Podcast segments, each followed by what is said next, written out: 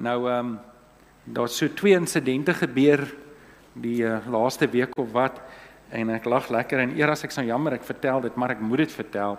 Ehm um, Karen bringe oomie gemeente toe en ehm um, maar eers vat die oomie huis toe na kerk en is goed, 'n goeie reëling en en laasweek toe bring hy die oomie toe bring Karen weer die oomie maar vir die tweede diens ek dink dis vir hom baie beter om in die tweede diens te kom en eers kom so en hy sien die oomie tussen die twee dienste en hy laai hom in die kar en hy vat hom huis toe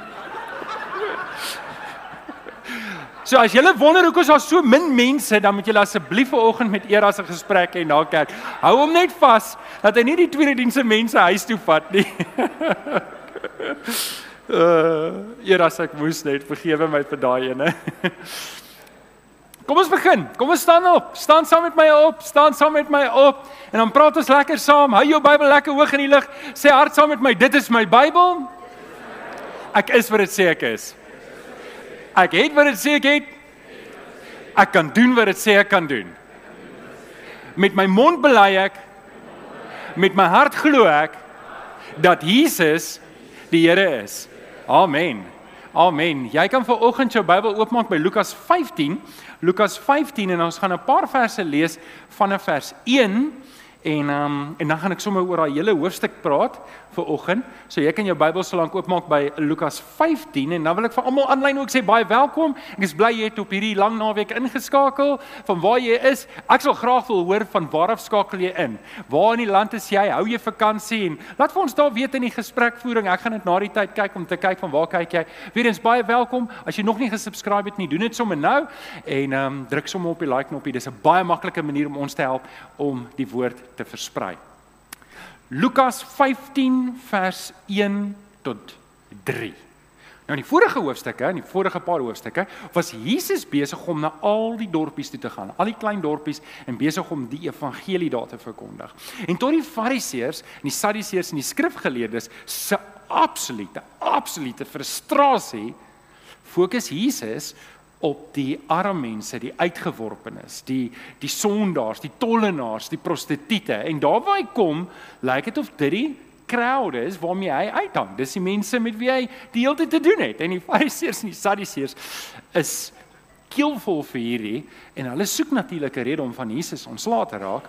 En ehm um, hierdie kom toe op 'n hoogtepunt wat hulle onder mekaar murmureer en onder die volk want hulle is besig om half en half uh, gehoor te in 'n gevolg te kry. Hulle gaan praat met die mense en sê, "Het julle gesien? Adrian, het jy gesien wat doen Jesus nou weer? Hy sê weer met daai sondaar, daai een wat jou ingedoen het nou daai, hy kuier nou vandag daar. Neem net kennis, hoor, skryf dit in jou swart boekie." En uh, so ek wil net hê julle moet weet waar ons nou is in hierdie teksgedeelte. En ehm um, ons lees toe in Lukas 15 vanaf vers 1 tot 3 Die tollenaars en sondaars het almal die gewoonte gehad om na Jesus te kom luister. Hierteen het die Fariseërs en die skrifgeleerdes beswaar gemaak en gesê: "Hierdie man ontvang sondaars en eet selfs met hulle." Toe vertel Jesus vir hulle hierdie gelykenis. Nou eintlik vertel Jesus vir hulle drie aparte gelykenisse en elkeen van hierdie gelykenisse het 'n baie spesifieke storie. Maar eers wil ek net 'n tree terug staan. Julle moet verstaan dat die Fariseërs het nie baie van Jesus gehou nie. Bloot net om die rede, hulle was die Ek sê dit nou versigtig, maar hulle was nou die geestelike leiers van die dag. En um, en almal het hoë agting vir hulle gehad. So waar hulle gegaan het, het hulle die beste sitplekke gekry. Hulle is altyd genooi na die troues toe en um, en en en hulle het altyd die hulle het baie hoë aansien gehad. Kom maar, wie van julle weet kan insien dat dit lekker is om belangrik te voel tussen die mense? Daar waar jy kom, almal kom praat met jou en en weet so die Fariseërs het geniet en nou kom Jesus en almal volg vir Jesus. En en half en half gooi dit 'n skare weer op die Fariseërs en Sadduseërs dat dit baie duidelik duidelik is vergeleke met Jesus, dit hulle eintlik maar 'n klomp hoogmoedige snaps is. En uh so hulle het hulle messe in vir Jesus en hulle kom by mekaar en hulle murmureer. En Jesus vertel drie gelykenisse waarvan waarvan hulle almal eintlik baie ongewoon is. Al van al as jy luister na die storie sal jy dink, "Mm, ek weet nie of ek dit sou doen nie." Die eerste verhaal, die eerste gelykenis wat Jesus vertel, is die gelykenis van die verlore skaap. En as jy dink daaroor, ons ken dit nou, so jy's baie bekend met die gelykenis, maar as jy terug staan en jy dink oor die gelykenis, dan sal jy dink, "Maar wag 'n bietjie, sal ek dit regtig doen?" En dis die vraag wat jy die hele tyd moet vra, "Sal ek dit regtig doen?" En afhangende van jou antwoord, nê, nee, gaan bepaal of jy aan watter kant jy staan. Is jy reg hiervoor? Ek gaan julle vra. Okay, so Jesus vertel die gelykenis eerstens van die verlore skaap. En hy sê, "Wie wie van julle sal as jy 100 skape het en een dwaal af, die 99 los en agter die een aangaan?" Nou, almal van julle gaan nou sê, "Ja, gaan agter die een aangaan." Maar dink mooi daaroor. Sal jy regtig die 99 los vir die wolwe en die leeu's? Wel, hulle was die gehoorsame skape. Hulle was die skape wat die regte ding gedoen het. Jy los hulle nou en jy gaan agter die een aan wat weggeraak het. Die simpel skaap Hy sit die res in gevaar. Ja, maar ek ek is jammer, ek wil vir julle net deel dat ek sal dalk nie agter die een. Ek sal baie jammer voel oor die een wat weggegaan het. Ek sal ek sal nou dink sommer 'n briefie skryf en sê, hoorie, dis maar nou too bad, so sad. En ehm um, en dan sê ons skryf daai ene af teen slegte verlies. Ons sal maar hoop daar kom nuwe lammetjies uit en dan maak ons op. En en die Here vertel hierdie ongewone verhaal om te sê nee, maar dis nie God se hart nie. God se hart is anders want dan dit moet nou eintlik sê wat as jy die verlore skaap is? Wat as jy die een is wat afgedwaal het, wat weggeraak het, wat seer gekry het? Sou jy wou gehad het die Vader moet agter jou aankom? Maar hy stop nie daar nie. Hy vertel nog 'n verhaal, nog 'n onwaarskynlike verhaal en dit is hy vertel van hierdie vrou wat ehm um, sy het haar muntstuk verloor. En wat sy doen is sy spandeer die hele dag, nê, nee, en sy maak haar hele huis skoon. Sy soek, sy soek totdat sy die muntstuk kry. Toe sy die muntstuk kry, toe gaan sy uit en sy vertel vir alle bure, ek het my muntstuk gekry. Ek het my muntstuk gekry. Kyk net hier, ek is so bly. En dan sê hy hou 'n partytjie saam met haar mense. Nou dis onwaarskynlik want die muntstuk is nie soveel werd nie. Jy weet, al van al die koeksisters wat jy gaan koop met die muntstuk is dalk jy gaan dalk meer as een muntstuk hê. Jy gaan meer muntstuk spandeer om die partytjie te hou saam met jou vriendinne. En en Jesus vertel weer eens die gedagte dat God is bly oor die nietige mense wat terugkom wat verlore was. Maar waar die eerste twee verhale verskil met die derde een is hier. Die verlore skaap is 'n bietjie dom. Almal ken skaape. Hulle is 'n bietjie dom, né? Nee? En um, ek het nog 'n bietjie snaakser as dit. Maar in elk geval, en uh, so jy verwag van 'n skaap om af te dwaal. Okay? Minstukke raak weg karsleels raak weg. Jy weet allerlei goeters gebeur. Jy ken daai gevoel. So, maar nou vertel Jesus nog 'n verhaal en hy vertel die verhaal van die verlore seun. En maar hierdie verhaal is baie anders want die seun het eintlik 'n keuse. Die skaap het nou nie heeltemal geweet nie, die minste het regtig nie 'n keuse nie. Maar nou eskaleer Jesus dit en jy kan sien, die eerste twee was baie kort, maar die derde een is lank en uitgebrei. So wanneer jy ooit sulke goed lees, dan moet jy weet die fokus is eintlik die lange, die grootte om die hele storie nou vir julle op te breek. En dis waar ek vir oggend met julle wil praat. Maar al drie hierdie gelykenisse het een ding in gemeen. Lukas 19 vers 10. Die seun van die mens het immers gekom om te soek en te red wat verlore is. Anders is stel sê Matteus en Lukas dit dis nie die wat gesond is wat die dokter kort nie, maar die wat siek is. OK. So, ek weet nie waar jy vanoggend is nie. Ek weet nie waar jy jouself bevind nie, maar dalk is jy verlore vanoggend. Dalk is jy vanoggend weg van die Vader af. Goed het in jou lewe gebeur het, afgedwaal en weggedwaal. En as goed wat stikkend is in jou lewe, dan is die boodskap wat jy vanoggend moet kry, God soek na jou. God soek na jou en hy wil jou hê. En en anders as die fariseërs en die sadiseërs wat baie kwaad is en en redes soek om jou uit te sluit, wil God jou intrek. En dis wat jy ver oggend in gedagte moet hou en dit is wat die kruis van Jesus vir my en jou leer. Is God soek jou en hy wil jou hê en dit is die gesindheid in die hart wat ek en jy ver oggend moet hê. Amen. Amen. Nou, ek weet nie waar's Chris nie. Maar Chris gaan vir my net die horlosie moet regstel daar agter. Anders dan gaan ek nie van vanoggend ophou preek nie as dit reg is met julle want ek het nodig om te weet hoe laat dit is. OK, so ek en jy sit vanoggend hier en dit kan wees dat jy's regtig lief vir die Here. En ek gaan nou nie laat jy jou hand opsteek nie. Um, want dan gaan die wat nie hulle hande kan opsteek nie dalk weet ongemaklik voel. Maar dalk sit jy vanoggend hier en jy's regtig lief vir die Here en jy's naby aan die Here en jy's regtig op 'n baie goeie plek by die Here en, en dit het 'n gevaar in dit self. Daarin dat wanneer jy naby die Here is, dan het jy nie altyd 'n sensitiwiteit vir die mense wat weggedwaal het of wat seer gekry het of wat nodig het om terug te kom nie. En en vanoggend wil ek hê jy wat vanoggend regtig by die Here is en naby aan die Here is, jy moet vanoggend veral mooi luister want is ons wat ons harte baie keer kan verhard uh soos die fariseërs om te sê ag man, weet jy wat met kom net by en en en ons moet Jesus se gesindheid vir oggend kry. OK, as jy reg, as jy reg, ek gaan jou die storie vertel, maar ek gaan dit 'n bietjie anders vertel. Die verhaal van die twee verlore seuns. So. Die vraag wat jy die hele tyd moet vra vir oggend is watter een is of was ek? En wat is my volgende tree wat ek moet gee? Daar was 'n pa en hy het hierdie twee seuns gehad. Hy was waarskynlik 'n welafpa en was baie ryk geweest. Hy het hierdie twee seuns gehad. Die ouer broer was 'n baie voorbeeldige broer en het alles gedoen wat sy pa gevra het en het sy pa geëer en baie respek vir sy pa gehad en alles gedoen presies soos sy pa wou gehad het. Die tweede seun was 'n rebel en hy het sy eie kop gevolg. En op 'n dag kom die tweede seun, die jonger seun, na sy pa toe en sê eintlik vir sy pa in soveel woorde: "Pa, ek wens jy's dood dat ek my erfporsie kan kry." En en en die pa dink toe by homself en hy dink, "Weet jy wat? Dis beter, dis beter beter dat ek my erfporsie deel tussen die twee seuns en vir die jonger seun gee wat hy soek, want dit is beter dat hy gaan en sy erfporsie vat as wat hy onder my dak bly en my dood wens die hele tyd. So die pa verdeel toe die die erfporsie tussen die twee seuns gelykmatig en hy gee vir die jonger seun wat hy het in die oomblik toe hy sy geld het toe loop hy na 'n ver land toe waar hy sy geld verkoos op wille partytjies, slegte vroue totdat daar niks oor is van sy geld nie. En soos wat dit is, toe die geld op is, kom daar 'n groot droogte en hongersnood op die land. En sy geld is op En saam met sy geld wat op is, is sy vriende ook op en hy's alleen. En en en hy moet toe 'n plan maak in hierdie ver land om vir homself te voorsien en hy gaan werk op 'n varkplaas om die varke kos te gee. Wat eintlik half en half ironies is, want 'n vark is 'n onrein dier vir die Jode. En hier's hierdie Jood en hy moet die varke oppas. En die situasie was so erg, die droogte was so erg geweest dat hy nie eers van die vark se kos kon eet nie. En hy het net besef, hier is bizar. Hy kan nie so aangaan nie. En terwyl hy daar besig is om die varke op te pas, dink hy terug aan sy pa en hy dink terug aan hoe regverdig sy pa was dat sy pa nooit eers die dagloners en sy diensknegte laat honger ly het nie. En hy dink by homself, maar hier moet iets verander en hy kom daar tot inkeer. Hy kom tot bekering terwyl hy daar by die varke is. En hy sê vir homself, dit kan nie so aangaan nie. Ek sal teruggaan na my pa toe en ek sal vir my pa sê, "Pa, ek het teen U gesondig en ek het teen God gesondig. Ek is jammer. Ek is nie werd om U seun te wees nie. Neem my terug." net as 'n dagloner dat ek darm net kan kos hê op my tafel. So gesê, so gedaan en hy keer terug na sy pa. Maar wat hy nie geweet het nie, is dat sy pa het omtrent elke dag vir hom gewag dat hy moet terugkeer. En sy pa het met verlange, nie geweet of sy seun al gesterf het en of sy seun nog lewe nie, het hy elke dag op die stoep gestaan en gekyk of hy nie dalk sy seun sien nie.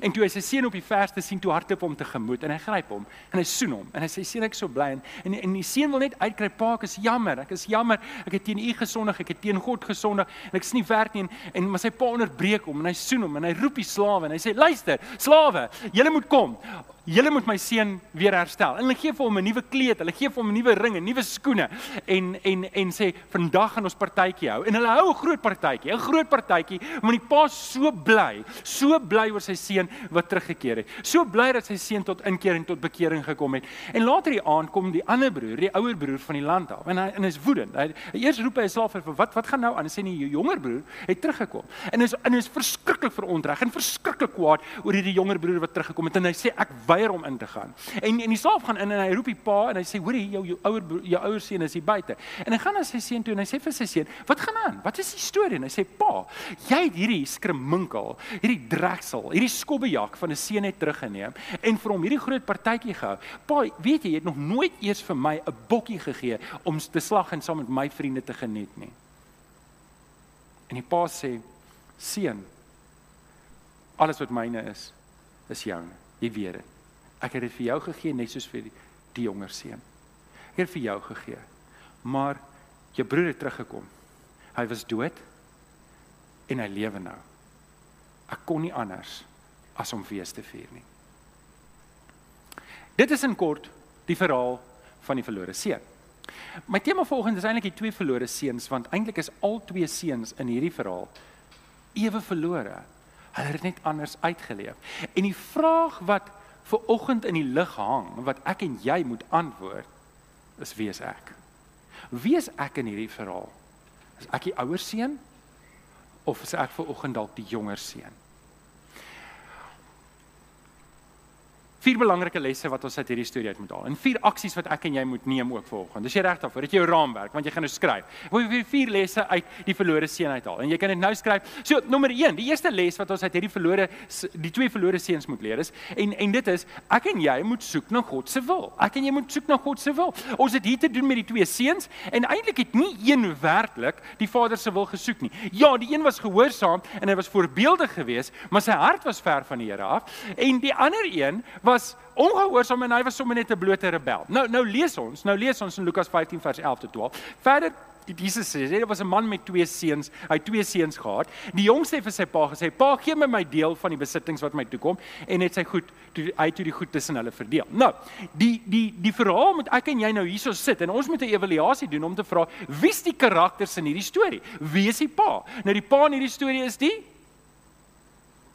is God die Vader. Stem julle saam? Dis God die Vader. So, nou moet ons vra, wie's die ouer broer? Nou in hierdie geval praat Jesus met die Fariseërs. Maar wat moeilik maak is ek en jy moet nou twee of drie karakters terselfdertyd ter in gedagte hou want onthou Matteus is nie geskryf vir ongelowiges nie.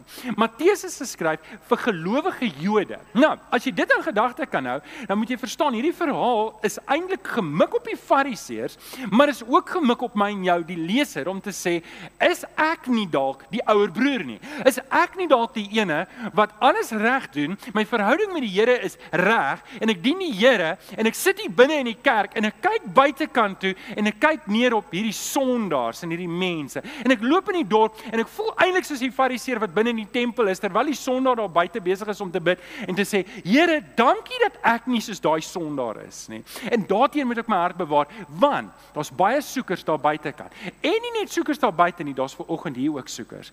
Soekers wat regtig jy's jy soek die Here, maar jy weet ver oggend jy is nog ver van die Here af. Jy's nog nie by die Here nie. So, die vraag wat jy vir oggend moet vra is: Wie is ek en wie is jy? En hoe voel ek oor die mense daar buite? Wat is my houding teenoor die mense wat sukkel? Wat is my houding teenoor mense wat vassit? In hulle sonde. Wat is my houding? Hoe kyk ek na hulle? Hoe kyk ek na ons het vroeër gebid vir sekere politieke partye wat ons land 'n bietjie hoe hoe hoe hoe kyk ek na die mense? Of het ek ook gehard het in my hart en sê, "Ag Here, ek hoop eintlik U red hulle nie, want dit sal vir my vreugde bring as hulle verlore gaan." Het jy al ooit so gevoel oor iemand? Dalk so gevoel, maar dit nie so hardop gesê nie, nê. Nee. En en daarteen moet ek en jy waak, want weet julle wat? Jesus Christus het op die kruis gesterf vir alle verlore mense. Sê sou met my alle Selfs die mense van wie ek nie hou nie en van wie jy nie hou nie. Het jy mense van wie jy nie hou nie? Sê mm. Julle moenie dit doen nie, okay? Okay, so ek en jy moet na die wil, ek en jy moet die Vader hart soek. Ek en jy moet God se wil soek in ons lewens om te sê, wat is die Here se wil vir my en wat is die Here se wil vir die mense daar buite? Okay, as ek dit het, dit bring my by die tweede les waar ons vanoggend wil praat. Is, en dit is die die die jonger broer moes bekeer het met 'n opregte hart. Hy moes bekeer het met 'n opregte hart. En um, en ons lees in Lukas 15 vers 14 sê nadat hy alles deurgebring het, het daar 'n kwaai hongersnood in daardie land gekom en het hy ook begin gebrek ly. En dan is ons in vers 17. Toe kom hy tot inkeer en sê: "My pa het wie weet hoeveel dagloners en hulle het almal oor genoeg kos en hier vergaan ek van die honger." Nou, hierdie is baie belangrik. Hierdie is baie belangrik want bekering is belangrik. sien, ons het hierdie hele gesegde wat ons sê die Here is lief vir die sondaar, maar hy is nie lief vir die sonde nie. En en dan moet by my en jou ook half en half 'n gedagte wees om te sê sonde is nie oukei okay nie. Sê vir die ou langs aan sonde is nie oukei okay nie. Hierdie hierdie hierdie verhaal is nie vir my en jou om te sê, hoorie, al die sondaars moet hier by mekaar kom en is oukei okay as hulle sonde doen nie, want ons gaan niks daaroor sê nie. Dis nie dis nie wat dis nie wat hier gebeur nie. Hierdie man het tot inkeer gekom. Hy het tot bekering gekom en wat beteken dit? Dit beteken hy het sy sonde laat staan. Amen. Hy het dit laat staan. Toe hy daar by die varke by was en hy moes toe besef hy hoe verlore hy is. Hy besef hy kan nie so aangaan nie en het werklik tot bekering gekom. En dis iets wat ek en jy ook moet deurgaan. Ek en jy moet ons ons kan nie aanhou met ons sonde en sê, weet ek is maar nou die ek's maar nou die lelike entjie in die koninkryk so, maar die Here verstaan. Hy verstaan ek het hierdie sonde en ek gaan aan daarmee nie. Ek en jy moet hardhandig werk met die sonde in ons lewe. En dis wat Spreuke sê. Spreuke 28 vers 13 sê, wie sy sonde wegsteek, moet niks te goed te wag uh, goedste wag te wees nie. Wie sy sonde bely en daarvan afsien, sal genade ontvang. So met ander woorde, daar is 'n daar's beslis druk op die verlore seun, op die seun, die jonger seun wat weggeloop het, dat Hoorie, ons aanvaar almal, maar dit beteken nie ons kan aangaan met ons ou lewe nie. Wat wat help dit? Wat sê ons van die kruis van Jesus as ek net aangaan met my ou lewe, as ek nie daarvan afsien nie? Jakobus sê dit so mooi. Hy sê as jy weet wat die regte ding is om te doen en jy doen dit nie, is dit sonde. Nou ek weet, ek weet sonde is 'n politieke inkorrekte woord om te gebruik. Ons mag mos nie vandag meer sonde gebruik nie, want ooh, jy gaan iemand afronteer. Maar julle ons moet dalk op kaarte met mekaar speel en sê, hoorie, daai sonde wat ek so aan vashou, wat vir my gemaksone geword het, is nie aanvaarbaar vir die Here nie en ek moet bekeer daarvan. As daai verlore seun nie opgestaan het en tot inkeer gekom het nie, sou hy net nooit teruggekom het en die Vader sou hom nooit kon herstel nie. En dis hoekom dit belangrik is om hierdie ding vir mekaar te sê. Ek moet kyk na my eie lewe. Ek moet introspeksie doen en sê sonde is nie oukei okay nie. Amen. Amen. En daarom moet ek daai uitdraai maak in my lewe. Ek moet wegdraai van my ou lewe. Ek moet wegdraai. En baie keer ons wil Jesus hê, maar ons wil nie ons ou lewe los nie. Is dit nie so nie? Ek wil my roomys altyd voor ete eet. Waar is die jong mense? Um ek wil nog my sonde doen. Ek wil nog en en ek ek wil glo met my hele hart maar die Here gaan verstaan en dis eintlik oukei. Okay. Maar tot ek en jy op 'n punt kom en vir mekaar in die oë kyk en sê dis nie oukei okay nie. Dis nie reg nie. Ek ek kan nie 'n bespotting maak van die kruis van Jesus en aangaan met my ou lewe en ek moet wegdraai. Ek moet by die kruis van Jesus uitkom. OK. So dit was die derde die tweede een. Die derde les wat ons kan haal uit hierdie een en hier is vir my die mooi en dit is God se vergifnis is totaal. Sy vergifnis is totaal. Lukas 15 vers 20. En hy het sonder versuim na sy pa toe teruggegaan. Toe hy nog ver aankom het sy pa hom al gesien en hom innig jammer gekry. En hy het gehardloop om te moed hy het hom hy hy hardloop hom toe te gemoed om hels hom en soen hom. In vers 24 en hy sê hierdie seun van my was dood en hy lewe weer. Hy was verlore en hy teruggekeer. Ek het hom teruggekry. Toe het hulle begin feesvier. So hier's hierdie pa wat wag vir die seun om terug te kom. Dis iets wonderlik van ons Vader in die hemel. Hy wag dat ek en jy moet terugkom. Hy wag, maar anders as die verlore muntstuk. Wat het die pa nie gedoen nie? Wat het die ou, wat het die skaap boer gedoen? Hy het wat gedoen? Hy het agter die skaap Hy het hom gaan soek, nê? Nee? Hy het hom gaan soek. Wat het die vrou gedoen met die muntstuk? Die vrou het gaan soek. Wat doen die pa nie? Soek nie. Hoekom nie?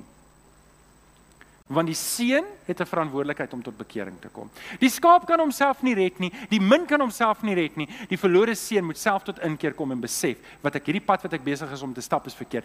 Ek moet terug gaan huis toe. En hier's die hier's hoekom ons hierdie drie en baie keer in die kerk ook. As al mense sê, "Ja, maar moet jy nie agter die verlore skaap aanstap nie?" Sê ek, "Nee, nee, nee, jy moet al drie verhale lees. Jy moet al drie verhale lees." Want baie keer loop ons iemand agter agter iemand aan en hy het nog nie op die punt gekom. En weet julle baie keer wat ons doen is ons gaan staan by die verlore seun en ons gee hom kospakkies.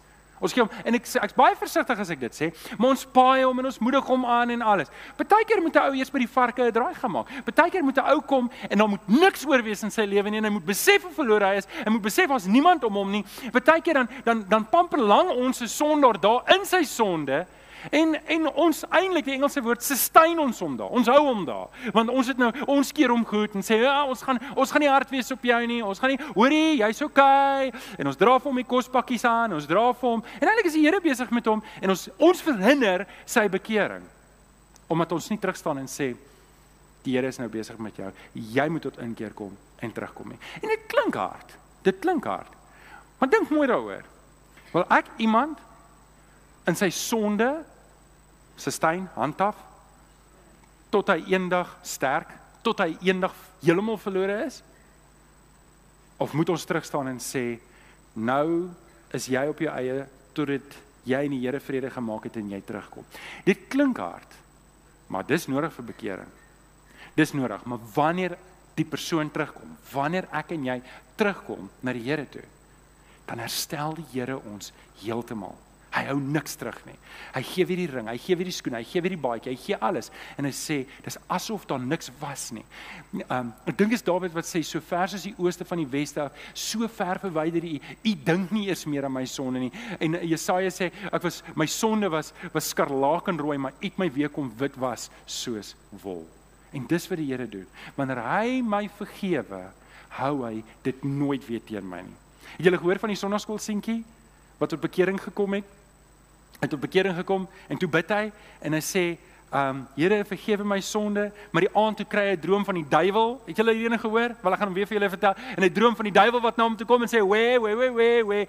Die Here het jou nie vergewe nie. Jou sondes is nie vergewe nie." En hy gaan so elke aan volgende week toe kom by die sonskool meneer en sê: "Meneer, maar ek kry hierdie droom maar die duiwel vir my sê my sonde is nie vergewe nie." En hy haal 1 Johannes 1 vers 9 uit en hy sê: "Kyk hierdie vers. Kyk hierdie vers. 1 Johannes 1 vers 9 sê, ek dink ek het hom hier iewers, um sê as jy jou sonde bely, hy's getrou en hy's regverdig, hy sal jou vergewe van jou sonde."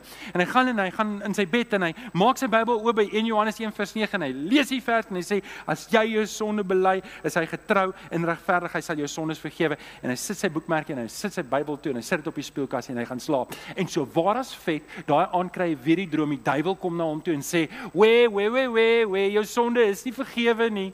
En hy word wakker en hy sit sy bedlampie aan, hy maak sy Bybel oop en hy lees.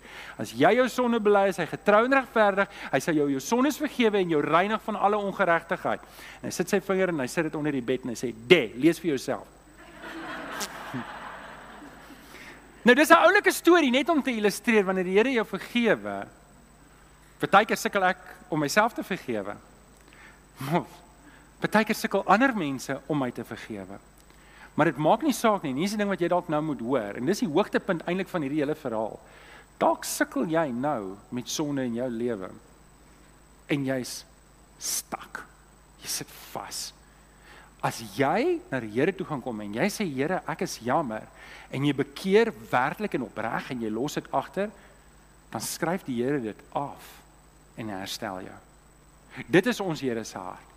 Nou hierdie seun kom terug en hy wil net 'n slaaf wees. Hy wil dalk net by die agterdeur inkom. Hy wil dalk net agter sit in die kerk en sê, "Here, ek wil net weer terugkom in die teenwoordigheid, maar ek sal niks doen nie. Ek sal en dis nie hoe God werk nie. Hy herstel jou heeltemal en hy sê, "Weet jy wat? Maak nie saak wat jy verkeerd gedoen het nie." En dis die wonderlike ding van ons verhouding met die Here. Ek het uh, uh, daar's verhale op verhale op verhale hoe selfs gelowiges groot foute gemaak het en hulle het afvallig geraak en hulle het teruggekom en die Here het hulle so mooi herstel dat hy hulle weer gebruik het in die bediening. En dit dit dit is die storie van my en jou en, en dis God se hart vir jou dat jy moet verstaan wanneer jy terugkom wil hy jou terug hê. Ek het baie keer al mense gehoor wat gesê het ja, maar maar um, ek het nou ek het nou afvallig geraak en ek ek sal nie weer kan terugkom na die Here toe nie. Jy moet terugkom. Dis waar die hele storie van die verlore seun gaan. Jy moet opstaan. Jy moet terugkom en jy moet daai bekering en jy moet by die Vader weer gaan aanmeld en hy sal jou herstel. Amen. Dis my vers 1 Johannes 1 vers 9. Maar ek dink ek het nou genoeg oor hom gesê, nê. Nee. OK, dit bring ons by les nommer 4. Les nommer 4 en dit is Wees bly wanneer ander terugkeer en groei. Wees bly. Wees bly. Um Lukas 15 vers 28 tot 29. Ons is by die hele partytjie, die pa en die die familie is in die diensknegte is besig om partytjie te hou. Die seun kom terug uit die land uit. En en en en en. Kom ek vra vir julle so, wie's eerlik genoeg om te sê, "Ek identifiseer nogal met die ouer broer." Ek wil net kyk wie's eerlik genoeg. En sê hoorie, dis nogal 'n cheek van hierdie ou. Ja, ja, wie's al? Ek het dan een of twee, drie hande, vier hande, ehm um, vyf hande. Ja, daar's okay, dit sê vir my daar's genoeg hierso wat kan identifiseer. Ek bedoel, dis 'n cheek. Dis regtig 'n cheek. Jy gaan mors alles op, my dag het op en tada, en nou is alles reg. En en en en so ek moet eerlik wees Rene, ek so half hmm, hier is hier is hier is nie so lekker storie vir my nie. Ek sou wou gehad het dan moet daar 'n pak slaaf twee uitgedeel gewees het. Dink julle ook so? Iemand moes 'n bietjie tot verhaal geroep gewees het. Jy weet hy kan dalk die skoene kry, maar nie die ring nie. Regtig. Daai ring kom my toe. Dit dit gaan nie na hom toe nie. En en en, en so so toe die oudste seun kwaad geword vir sy pa en hy wou nie in die huis ingaan nie en sy pa gaan toe uit en praat mooi met hom, maar hy antwoord: "Kyk, al die jare werk ek soos 'n slaaf vir pa en nog en daai hoor net daai dis eintlik die hele probleem. Al die jare werk ek soos 'n slaaf vir vir pa en nog nooit het ek 'n opdrag van pa verontagsaam nie en vir het ek nooit vir pa nog eh, nog nooit het pa vir ons 'n bokkie gegee sodat ek saam met my vriende kan fees vier nie. Wat 'n aanklag, nê? Nee. En 'n regverdige aanklag as ons dink daaroor. Bedoel, jene, hoekom sal die pa dit doen vir die een seun maar vir die ander seun en en die pa antwoord hom. Hy sê, "My seun, die feit dat jy jou kindskap verkeerd verstaan het, is die probleem hier." Jou probleem is Dit was nog altyd joune gewees. Jy het dit net nie geniet nie.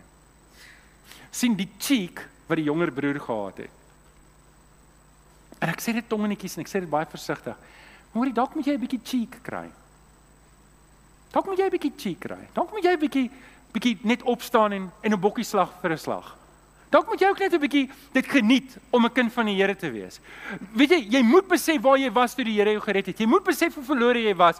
Maar dalk moet jy 'n bietjie bly wees dat jy 'n kind van die Here is. Dalk moet jy dit 'n bietjie geniet. Dalk moet jy sê, "Hey, ek's 'n kind van die Here. Ek geniet sy goedheid." En en en jouself nie beskou as 'n slaaf wat werk en en net reëls gehoorsaam nie. Want dit is baie keer die probleem met die ouer kinders. Nou ek's 'n middelkind. Ek het nie daai probleem nie, nê? Nee? Maar vir die van julle wat ouer kinders het, jy beleef jou godsdienst so, jy beleef die Here so. Nee, nee, nee, daar's reëls en daar's regulasies regulasies en ons moet alles doen volgens die boek. Ouer kinders het, wie van julle is ouer kinders? Ek wil gou sien. Ag, foei tog. Ek is jammer. Ek ek terg net, ek terg net. Julle is in goeie hande. Nou, nou julle is waarskynlik reëls en regulasies mense. Die die jonger kind en die middelkind, hulle is die kinders wat baie keer wegstap. Maar maar vir julle wat sukkel met hierdie ding, dalk moet jy net weer net bietjie stil sit en dink, wat beteken dit dat ek 'n kind van die Here is? En dalk sê die Here vandag vir jou, soos daai pa vir sy seun sê, alles wat myne is, is joune. Jy het nog altyd toegang gehad tot die heerlikheid van God. Moenie so so verontreg wees wanneer iemand anders inkom en hy besef dit en hy geniet God se goedheid nie. Geniet God se goedheid nou en wees bly saam met ander wat weer terugkom by die Here en wees sy goedheid beleef. Is dit nie so dat iemand wat onlangs tot bekering gekom het, het 'n vuur en 'n passie vir die werk van die Here nie? Is dit julle al agtergekom? En die ouens wat al lank die Here dien, Dis asof hulle so half en half 'n bietjie neerkyk en sê, "Toe maar jy sal afkoel, moenie worry nie." Plaas dat ons kyk en weer opwarm, hoop ons hy koel af want nee, hoorie jy moet nou net afkoel want jy laat my nou sleg gelyk, okay? En en ek en jy moet weer daai passie hê. En so die die die die die die vraag oor die seun is en en hier's hele hier's die hier's die ons het nou die klimaks gehad van die seun wat teruggekom het en nou het ons 'n antiklimaks want hierdie storie, weet nie of jy weet nie, eindig met 'n antiklimaks. Dit eindig, ek weet nie of dit die regte taalkundige ehm um, Melanie, jy's mos 'n Afrikaanse onderwyser. Jy sal my na die tyd kan help. Kan ek dit in die tweede diens regkry? So jy gaan moet bly vir die tweede diens om die regte woord te kry. Maar kom ek sê antiklimaks. Nie regtig antiklimaks is 'n ander woord. Melanie sal my nou nou help daarmee. Maar hier's wat gebeur is. Die storie eindig stomp. As jy die verhaal lees, dan eindig dit stom. Die eerste verhaal, die minste die, minste is teruggekry. Almal is bly. Yay! Né? Nee? Die tweede verhaal is die skaap het teruggekom. Hy's terug. Almal is bly. Yay! Die tweede verhaal eindig met die pa wat vir die seun sê, "Is jy nie veronderstel om saam met my bly te wees nie?" En dis waar die storie eindig. En nou is daar drie vrae wat eindig is.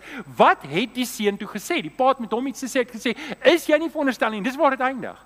Daai vraag hang in die lug. Wat wat het die seun toe gesê? Wat het die seun gesê? Hoe hoe het hy gereageer op wat sy pa gesê het? En en wat het daarna gebeur? Hierdie storie los hierdie drie vrae hangend in die lug. Weet jy hoekom? Want jy moet daai vraag antwoord. Jy wat die leser leser is, jy moet daai vraag antwoord. En jy moet eintlik sê, hoe gaan jy reageer? Wat gaan jy sê vir jou hemelse Vader op hierdie drie vrae? Dis eintlik hoekom hy so eindig. En vanoggend wil ek jou daai vraag vra. Is ons gereed om sondaars wat tot bekering kom terug te verwelkom by die Here? Is ons gereed om partytjie te hou? Is ons gereed om vir die Here te sê Here goed, my gesindheid sal verander. Ek sal bly wees wanneer hierdie verlore kinders weer terugkom. Nou, vir oggend is daar dalk nie 2 nie, maar 3. Hier's 'n paar van julle en dalk was jy die ouer seun, maar jou jou hart is nou gereed en jy's reg. Maar dalk is jy volgende ouer seun en eintlik as jy in jou hart hart op sondaars. En weet julle hoekom ons ons hart op sondaars want ons vergeet waar ons was voor die Here ons gered het. Maar dalk is jy ver oggend hier en eintlik is jy die verlore seun. En alhoewel jy in die kerk sit en jy sing die liedjies saam, jy lees saam met die Bybel uit, is jy in jou geestelike lewe by die varke en jy wens jy kon iets kry om te eet net om jou geestelike dors te vul. Maar die wêreld gaan vir jou dit nie gee nie. Die vyand gaan dit nie vir jou gee nie. Jy moet daar tot inkeer kom en sê Here, ek het verkeerd gedoen. Ek wil terugkom huis toe. En jy moet vir die Here sê Here, ek wil terug wees in die huis. Vanoggend wil ek ek wil die boodskap net daar los dat hy hang dit dat ek en jy hierdie vraag in ons eie harte antwoord. Wie is ek? Waar staan ek? En wat is die volgende tree wat ek moet neem in die Here Jesus? Kom ons bid saam. Vader, Daar's so baie dinge gesê vir oggend. En en Here, hier is 'n paar van ons wat dalk ver oggend hier sit. Maar geestelik is ons besig om die varke op te pas. En ons is besig om geestelik honger te ly. En U roep ons terug na die kruis toe. U roep ons terug na verhouding met U toe. En Vader, soos ons uit hierdie verhaal uit lees, is U die een wat op die stoep wag en hoop ons kom terug. En as stel vir oggend mense is wat daardie werklike bekering moet beleef, Here kom lê dit op hulle harte. Maar Here, dalk is hier 'n paar ouer broers ook wat dalk al hulle harte verhard het. En nie werklik bly is as daar mense terugkom en opgewonde raak nie. Here, wil U nie ons harte kom aanspreek? Here, uit hierdie verhaal uit dat ons sal weet maar ek moet ek moet 'n passie hê. Ek moet 'n liefde hê vir mense wat moet terugkom by Jesus. Kom help ons dat ons 'n gemeente sal wees wat oop sal wees, dat mense kan bekeer en dat ons vinnig sal wees om saam met U hulle ten volle te herstel en te aanvaar. Kom help ons op hierdie pad. Ons bid dit in Jesus naam. En die kinders van die Here sê: Amen. Amen. Baie dankie.